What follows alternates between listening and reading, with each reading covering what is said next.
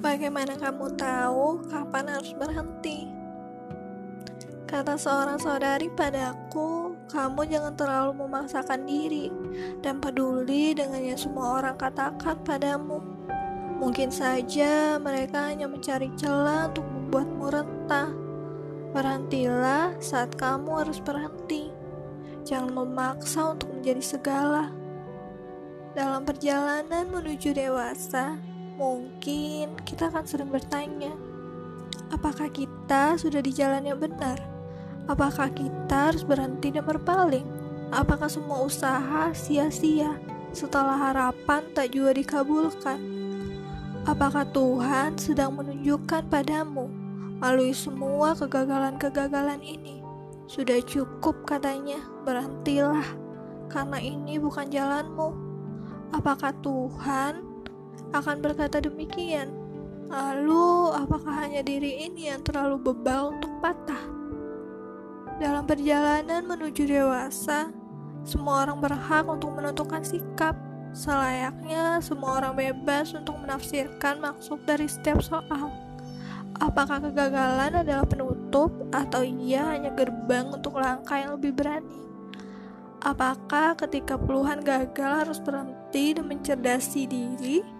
Ataukah ketika puluhan gagal kita masih harus bertahan dan mencermati diri? Semua ada dalam pilihan kita. Pilihan untuk menafsirkan sendiri kegagalan-kegagalan itu. Apakah ini bahasa Tuhan untuk meminta berhenti?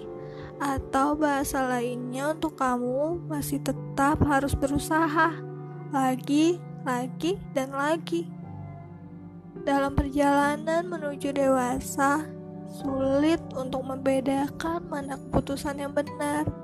Pada akhirnya, kita sampai pada simpul mana keputusan terbaik yang bisa kita ambil, berhenti atau melanjutkan perjalanan ini.